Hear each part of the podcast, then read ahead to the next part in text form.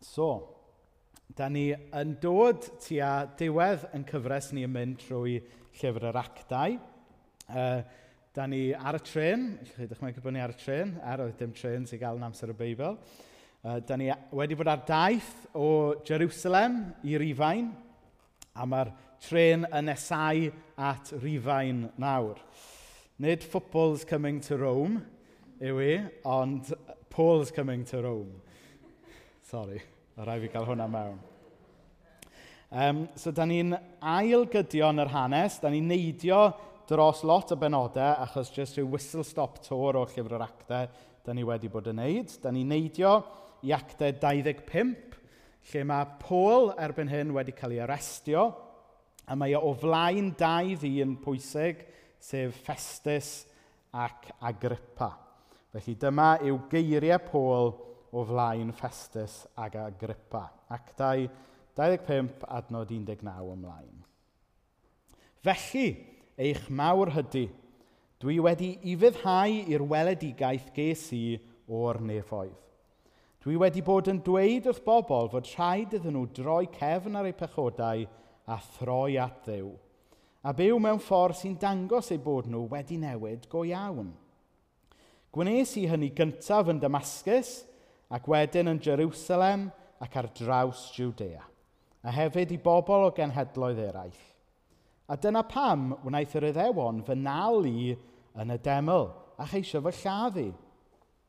Ond mae Dyw wedi edrych ar fy ôl i hyd heddiw.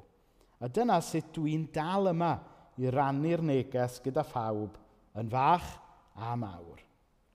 Dwi'n dweud dim byd mwy na beth y wedodd y proffwydi a Moses fyddai'n digwydd, sef y byddai'r myseia'n dioddef, ac mae fe fyddai'r cyntaf i ddod yn ôl yn fyw oddi wrth y meirw, yn oleini iddewon a phobl o genhedloedd eraill.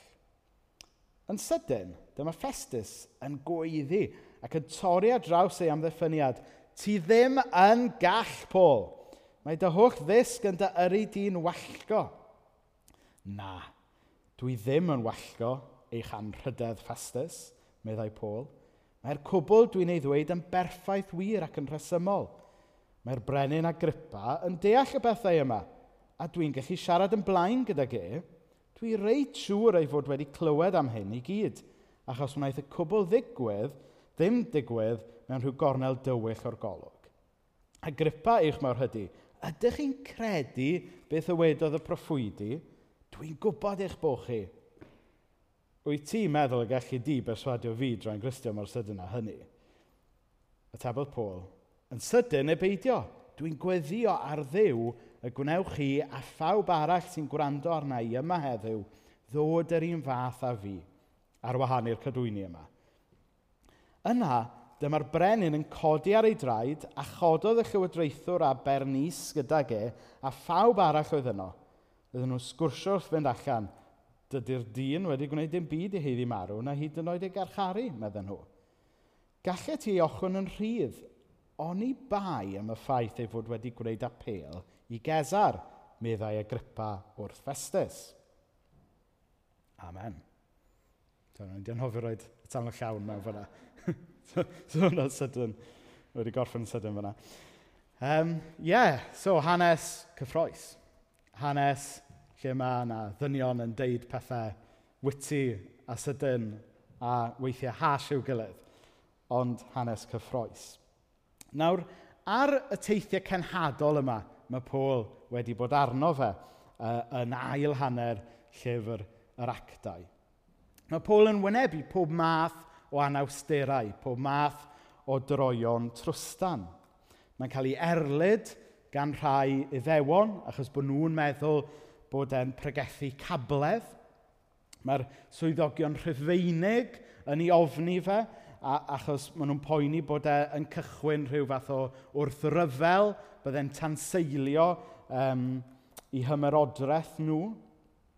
Oedd na dadle hyd yn oed wedi digwydd ymhlith y Cresnogion, ac oedd rhai o'n nhw wedi rhoi amser anodd a wedi cwmpo allan efo Pôl fel wnaethon ni weld rhai wythnosau nôl. Ac ar ben hynny, mae'n ymddangos, da ni'n darllen o rhai llythyrau mae Paul yn sgwennu at pobl eraill. Ar ben hynny, mae'n ymddangos bod yn dioddau o rhywbeth fel IBS, um, a mae'n meddwl bod yfed bach o win yn gallu sortio hwnna. Doesn't work, trust me. Um, a, ac ar ben hynny, ar y ffordd o gwmpas i deithiau, mae e'n cael shipwrecks a dod ar draws, gwrachod a phopeth. Basically, os mae'n gwynebu gwrthwynebiad ac anawsterau a troi'n trwstan bobman mae o'n mynd. Ond, er gweitha yr holl anawsterau yma, mae'r genhadaeth grisnogol yn llwyddo against all odds. Mae pam bod e'n llwyddo? Oherwydd fod e'n newyddion da. Da ni'n anhofio hynny weithiau, dydyn? Yn y wlad yma, pan da ni'n clywed storys am gapelu yn cae, pan da ni falle efo rhagfarn ynglyn â rhyw brofiad gwael falle da ni wedi cael mewn eglwys rhywle, da ni'n anhofio bod y genhadaeth grisnogol yn llwyddo oherwydd bod e'n newyddion da. A mae'n bwysig bod ni yn cofio hynny, mae'n bwysig bod ni'n dathlu hynny, mae'n bwysig mae newyddion da ydy be da ni amdano. Dyna di ystyr efengil newyddion da wedi i rannu. Dyna mae'n golygu i fod yn bobl efengylaidd. Mae'r ma, term yna'n dydy, Cresnogion efengylaidd wedi, wedi mynd i olygu rhywbeth um, eitha trist yn ddiweddar a gyda connotations negyddol. Ond ystyr llythrenol Cresnogion efengylaidd ydy Cresnogion sy'n credu a rhannu y newyddion da. A mae'r newyddion da yma y newyddion da i bawb. Ac yn arbennig mi oedd y newyddion da i'r math o bobl oedd Pôl yn dod ar ei traws. Oedd e'n dod ar draws pobl oedd yn credu mewn diwiau oedd yn flin efo nhw. Oedd e'n dod ar draws pobl oedd yn credu mewn diwiau oedd yn galw arnyn nhw um, aberthu pob math o bethau, gan gynnwys aberthu i plant a bethau ofnadwy fel yna. A nawr, oedden nhw'n cael clywed am ddew oedd ddim yn flin gyda nhw, ond dew oedd o'i plaid nhw. Nid dew oedd yn galw arno nhw gyflwyno aberth, ond dew oedd yn dweud bod ei hun wedi mynd yn aberth drostyn nhw. Nawr dychmygwch gymaint o newyddion da oedd hwnna i bobl. Oedd e'n dod ar draws pobl oedd yn byw mewn cymdeithas hyd yn oed fwy anghyfiawn ac anheg a'n cymdeithas ni heddiw. Oedd e'n byw mewn cymdeithas um, hierarchaidd iawn, um, hyd yn oed fwy patriarchaidd na'n cymdeithas ni heddiw, le oedd yna gaethweision a'r caethweision yn cael eu camdrin. Ac yn sydyn reit, oedden nhw'n clywed am ddiw oedd yn dweud fod pawb yn gyfartal. Pawb wedi cael eu creu ar lun a delw dew. Bod yna werth, bod yna urddas, bod yna bwrpas i bawb yn ddi wahân. Oedd hwnna newyddion da yn doedd. Ac oedd yn gymaint y newyddion da i'r byd rhyfeinig ar y pryd. Oedd y bobl yma dim ond yn gwybod am be o'n nhw'n galw'n Pax Romana. Ystyr Pax Romana ydy heddwch rhifain. Rhyw, rhyw syniad, os ydych chi eisiau heddwch yn eich gwlad, os ydych chi eisiau heddwch yn eich bywyd, yna yr unig beth sy'n rhaid i chi wneud ydy bod yn hollor, hollol dirngar i'r Cesar. Byth cwestiynu awdurdod, dysgu lle mae lle a wedyn fe gewch chi heddwch. Wel, doedd hwnna ddim yn heddwch go iawn, ag oedd e. Oedd hwnna'n rhyw heddwch oedd yn cael ei gadw mewn lle drwy gadw pobl dan y bawd, drwy gadw pobl dan droed, drwy orthrymu pobl, drwy gadw pobl mewn lle trwy drais. Doedd hwnna ddim yn heddwch go iawn. Ond nawr, Mi oedd Paul yn rhannu efo pobl am heddwch sydd yn rhyddhau pobl. Yn dod â heddwch i bobl ar bob lefel. Nid, nid rhyw rhyfel, nid rhyw heddwch sy'n seiliedig ar rhyfel parhaus, ond heddwch sydd yn rhoi bywyd i bobl a'r bywyd hwnnw ar ei orau. I fyd blinedig oedd yn hiraethu am achubwr, oedd yr efengil grisnogol yn newyddion da. A chyfo be, mewn byd blinedig sydd yn hiraethu am rhywbeth mwy na hyn heddiw, mae'r efengel grisnogol dal yn newyddion da, dydy. A tas fi yn Pentecostal nawr, sy'n ymwneud, can I get an amen? Amen. Diolch. Go cadu. Mae'n wir yn dydy. Mae Iesu Grist yn cynnig rhywbeth gymaint mwy. Cymaint dyfnach, cymaint fwy o heddwch na mae unrhyw beth arall yn gallu i gynnig. A dyna pam, er gweitha'r gwrthwynebiad, er gweitha popeth oedd yn mynd yn wrong, dyna sut oedd y genhadaeth grisnogol yma gan Pôl yn lledu fel tân o ardal i ardal trwy ardal môl môr y canoldir. Nawr, oedd Pôl ar y ffordd i rifain. Dyna lle oedd e eisiau cyrraedd yn y diwedd. Oedd e eisiau um, pregethu'r efengil i Cesar. Achos oedd yn rhywbeth eitha fel strategic i wneud, yn dydda. Os oedd e eisiau rhannu'r efengil grisnogol trwy'r byd rhyfeinig, wel, pam ddim mynd at y top, dyfod? Os ydych chi'n berswadio boi ar y top i gredu, yna bydd hwnna'n neud y mywyd i bach yn haws. Ond ar y pwynt yma, le ni yn yr hanes, um, oedd yna ddau foi arall yn sefyll yn ei fforddau, e, sef Festus ac Agrippa. Nawr, Festus oedd rhyw fath o um, canghellor neu prif bos yr ymerodraeth Rufeinig yn Judea. So oedd yr ymerodraeth Rufeinig, oedd e wedi cael ei rannu mewn i rhanbarthau gwahanol, ac oedd Judea yn un o'r rhanbarthau, a Festus oedd sort of un o brif swyddogion yr ymerodraeth Rufeinig yn Judea. So oedd e'n rhywbeth arweinydd gwleidyddol os hoffech chi. Wedyn Agrippa oedd brenin Judea. Fe oedd brenin yr iddewon. Ond doedd e ddim rili, really, oedd e'n rhyw imposter oedd e go iawn. Doedd e ddim o chinach Dafydd. Um, So, for illustration purposes only, dychmygwch am eiliad mae Festus oedd Boris Johnson, okay, yn licio meddwl bod e'n prif weinidog Cymru. A wedyn, Agrippa, chi'n gwybod le dwi'n mynd fan hyn nawr, oedd Charles Windsor. er bod e yn saith, yn meddwl bod e'n dywysog Cymru. illustration purposes only, dwi ddim yn siarad neu pwynt gwleidyddol. Honest. Ond dyna'r syniad, chybod, oedden nhw'n arweinwyr oedd yn bwerus iawn, ond mewn gwirionedd, mi oedd eu pwer nhw actually yn eitha brau, yn eitha britl, yn eitha seremoniol. Ac felly, oedden nhw'n ddau ddyn, er ar bapur yn ddynion pwerus, Festus ac Agrippa, oedden nhw'n ddau ddyn oedd yn nerfus iawn. Oedden nhw'n ddau ddyn oedd yn poeni a bas nhw'n hawdd iawn yn gallu cochi grym a byddai hawdurdod nhw'n gallu cael eu cymryd oddi wrthyn nhw. A dyna pam oedden nhw'n nerfus am y boi Pôl yma ac yn nerfus ynglyn â lledeiniad y ffydd grisnogol, achos oedden nhw'n gweld bod e'n rhyw fath o chwildro tawel oedd yn digwydd trwy Jwdea, trwy môr y canoldir, ac yn dechrau creu rymbles hyd yn oed i'r awdurdodau yn rhifain. Oedd Festus wedi gweld mae am resymau crefyddol yn wreiddiol oedd Paul wedi cael ei arestio.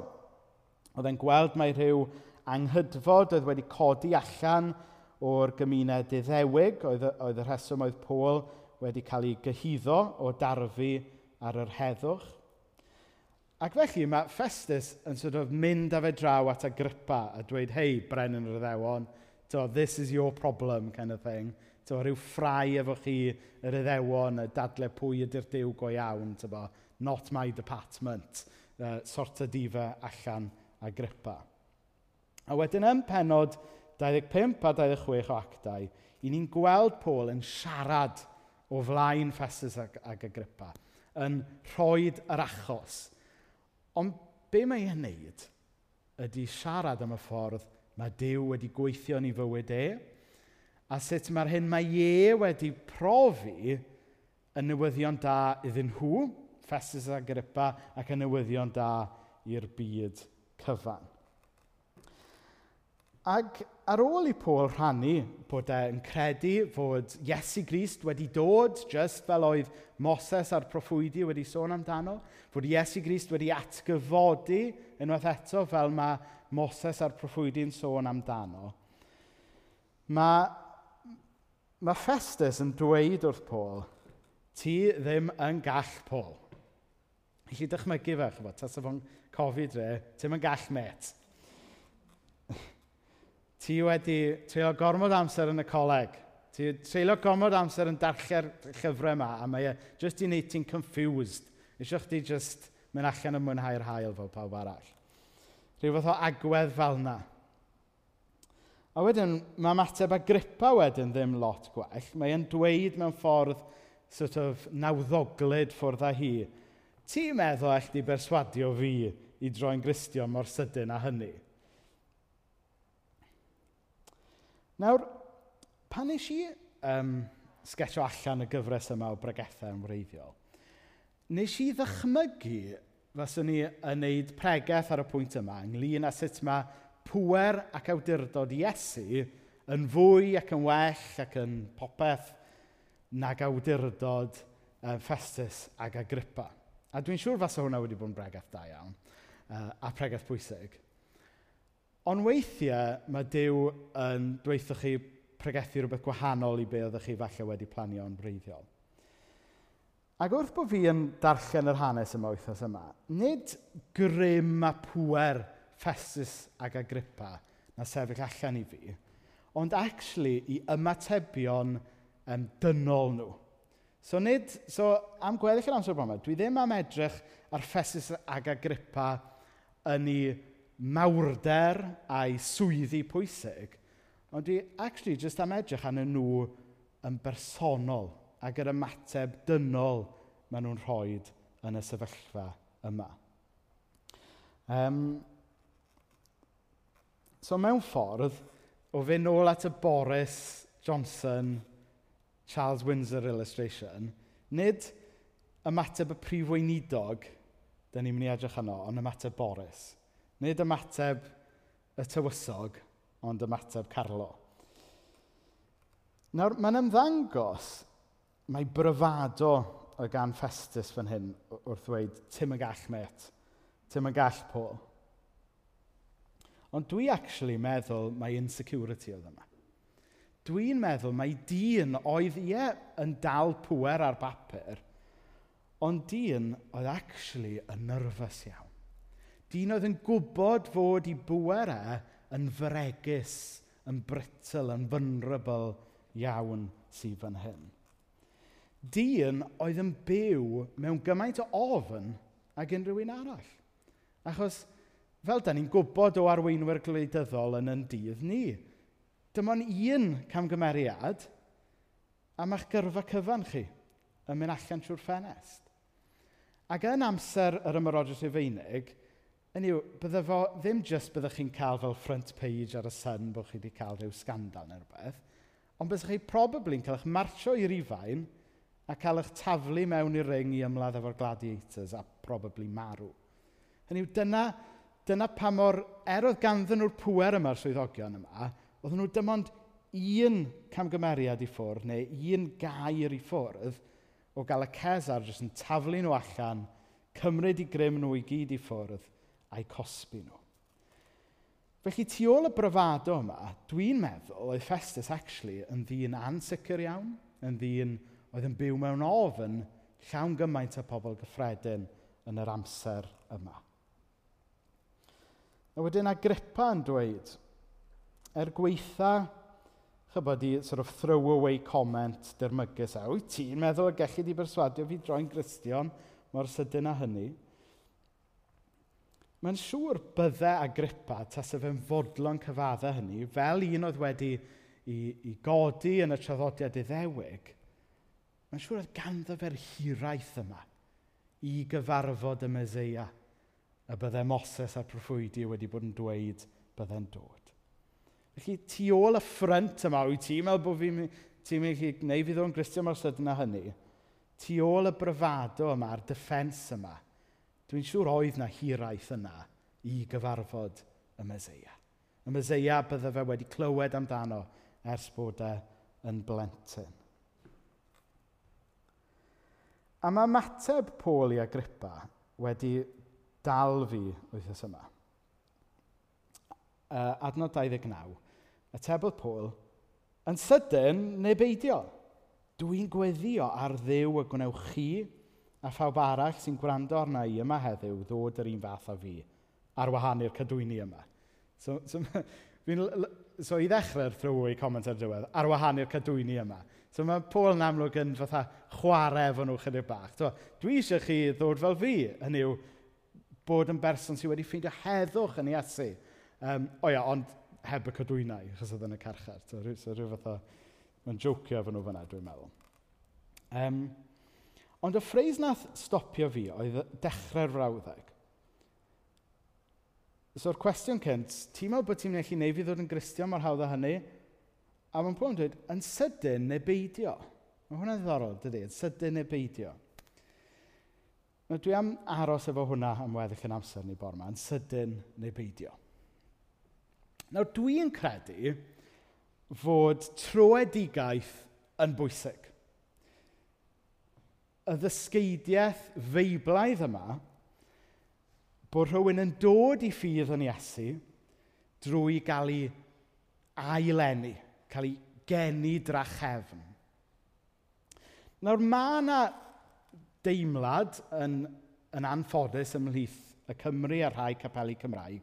Mae rhyw syniad newydd o Loegr neu o America yw'r syniad o gael eich ailenni i fod yn born again. Tybod.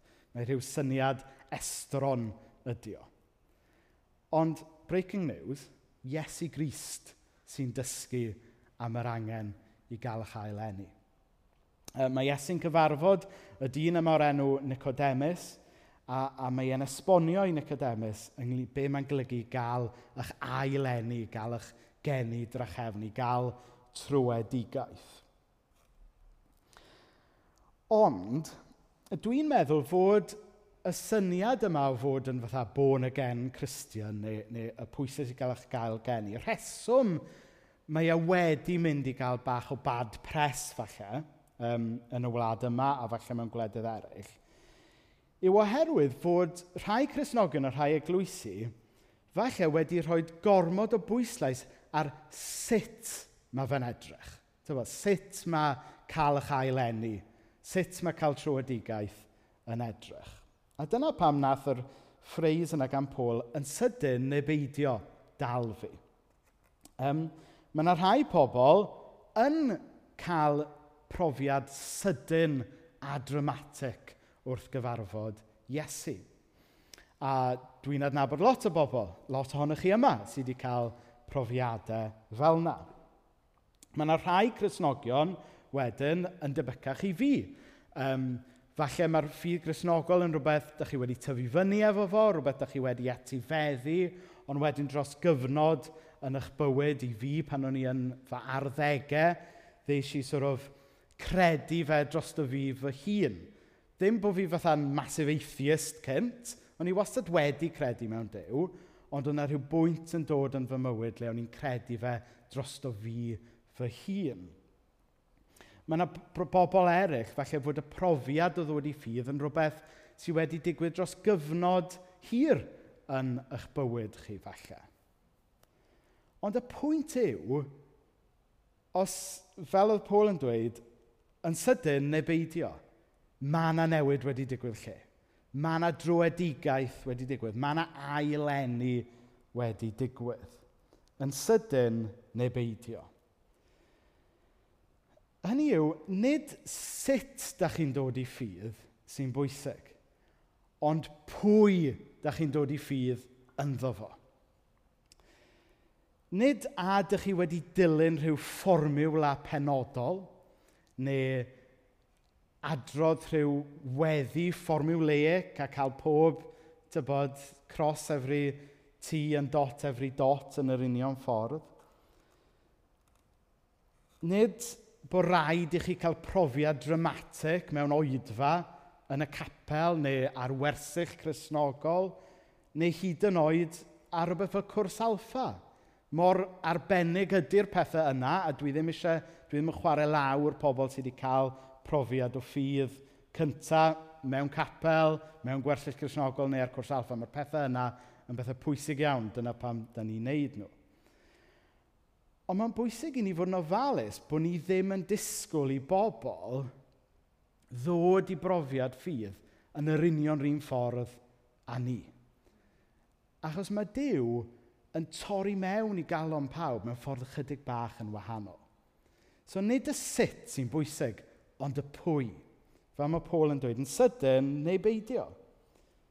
Tewa, nid y speed sy'n bwysig, nid y technic sy'n bwysig, nid y lle mae'n digwydd sy'n bwysig, ond pwy sy'n bwysig. Pwy ydy'r dew sy'n torri mewn i'ch bywyd chi.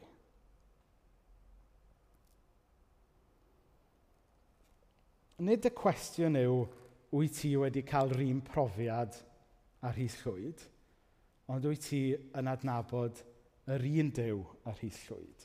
Nid wyt ti wedi cael profiad o Iesu yn yr union rhan lle a Gweno Hughes. Ti jyst yn digwydd bod da ymlaen i Gweno.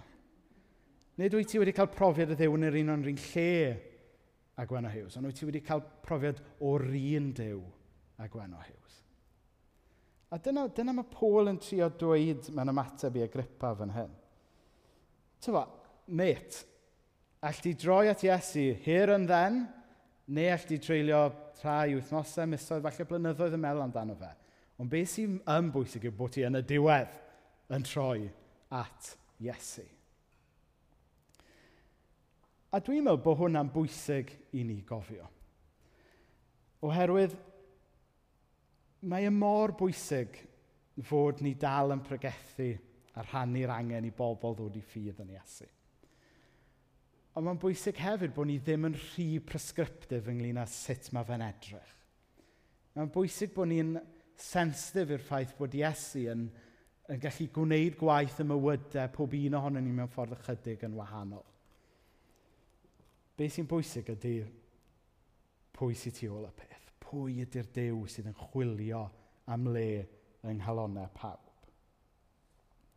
So un illustration nes i um, o ddod ar draws rhai blynyddoedd yn ôl, oedd um, pan o'n i'n neud prawf gyrru blynyddoedd yn ôl, un o'r manwfers oedd rhaid i chi wneud oedd three-point turn. Dwi'n gwybod sut chi dal goff wneud o fel rhan o'r prawf. Ie. Yeah. Ac, um, ond oedd galw'r manwfer yn three-point turn bach yn gam arweiniol.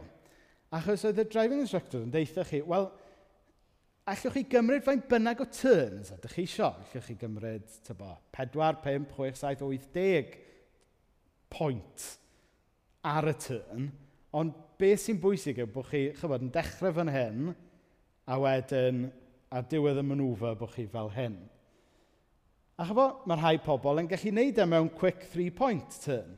Ond mae rhai pobl, um, fel Austin Powers, tyfod, yn, hwnna'n niche reference go iawn, um, yn cymryd chyfa, lot, lot o turns a tybod falle bod yna so, falle bod rhywbeth yn digwydd mewn bywyd a bod chi stopio gweld tybod deryn heb yn heibio neu rhywbeth tybod bod o, o na ni mae DHL fan yn gwybio heibio rai stopio'n bach oce okay. dyn cer ymlaen bod yn eventually ddech chi wedi troi ond y pwynt ydy mae'r person sy'n gwneud quick 3 point turn neu troi yn araf mae'r ddau berson wedi troi A dyna sy'n bwysig. Y troi sydd yn bwysig, nid y sut, nid y speed, nid sawl pwynt chi'n cymryd. A mae'r un peth yn wir efo Iesu. Chymod, heb ddiw, mae'n bywyd ni jyst yn wynebu.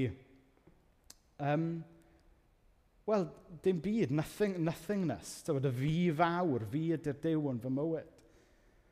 Ond wedyn, dyn ni'n cael yn gwahodd mewn ffydd i droi at Iesu. Iesu sydd yn rhoi heddwch i ni. Iesu sy'n rhoi maddeiad i ni. Iesu sy'n rhoi bywyd i ni. A dyna mae Paul yn dweud wrth y ddau ddyn pwysig yma. Yn sydyn neu beidio.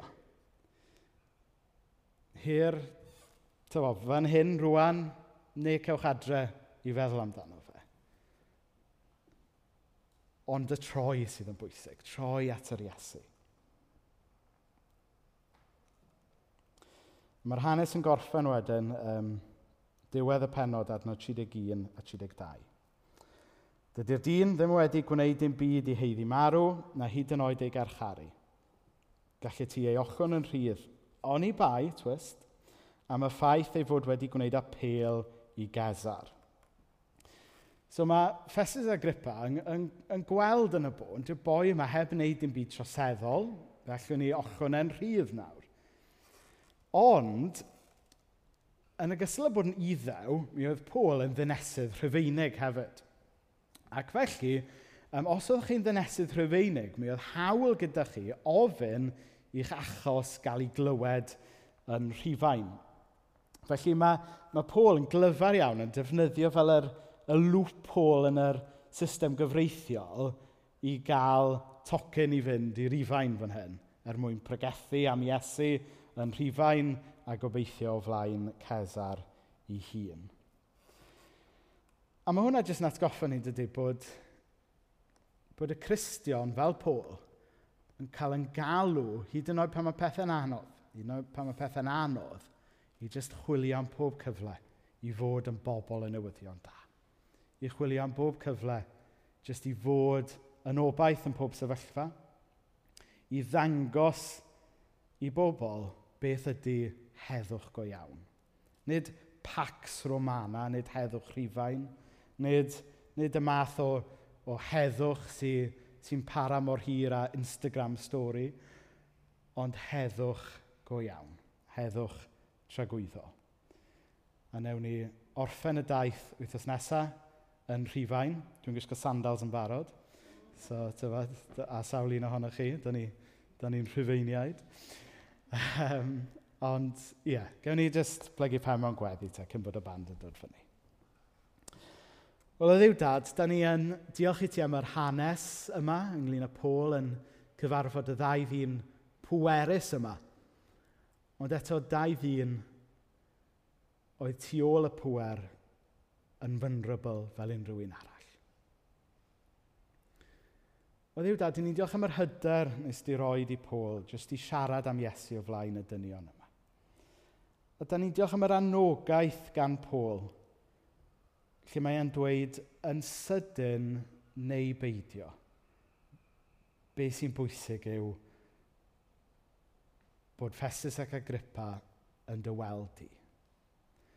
Ac o ddiw dad, da ni jyst yn cyflwyno pawb sydd yma bore yma, pawb sy'n gwylio o adre rhai pobl falle yn, yn reslo gyda'r isiw yna, yn poeni falle bod nhw heb gael yr union rhan profiad a rhywun arall.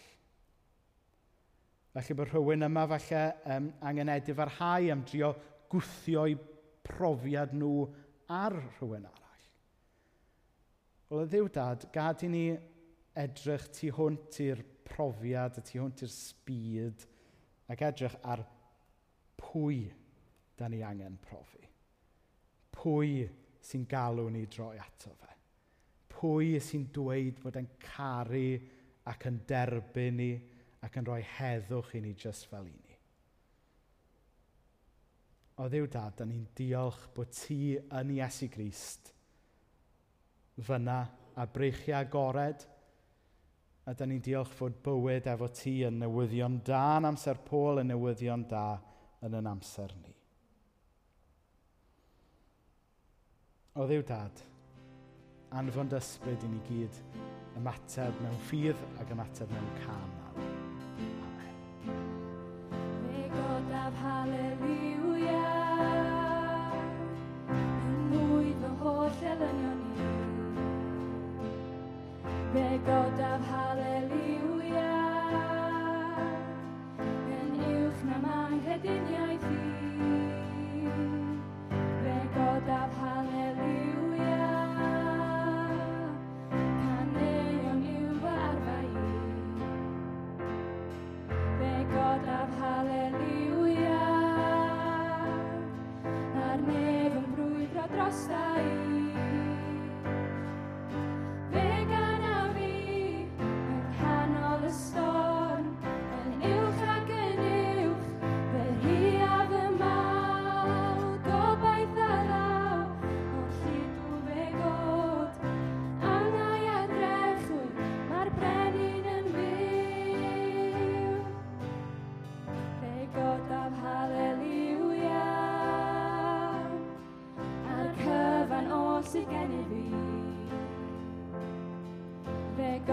Hallelujah.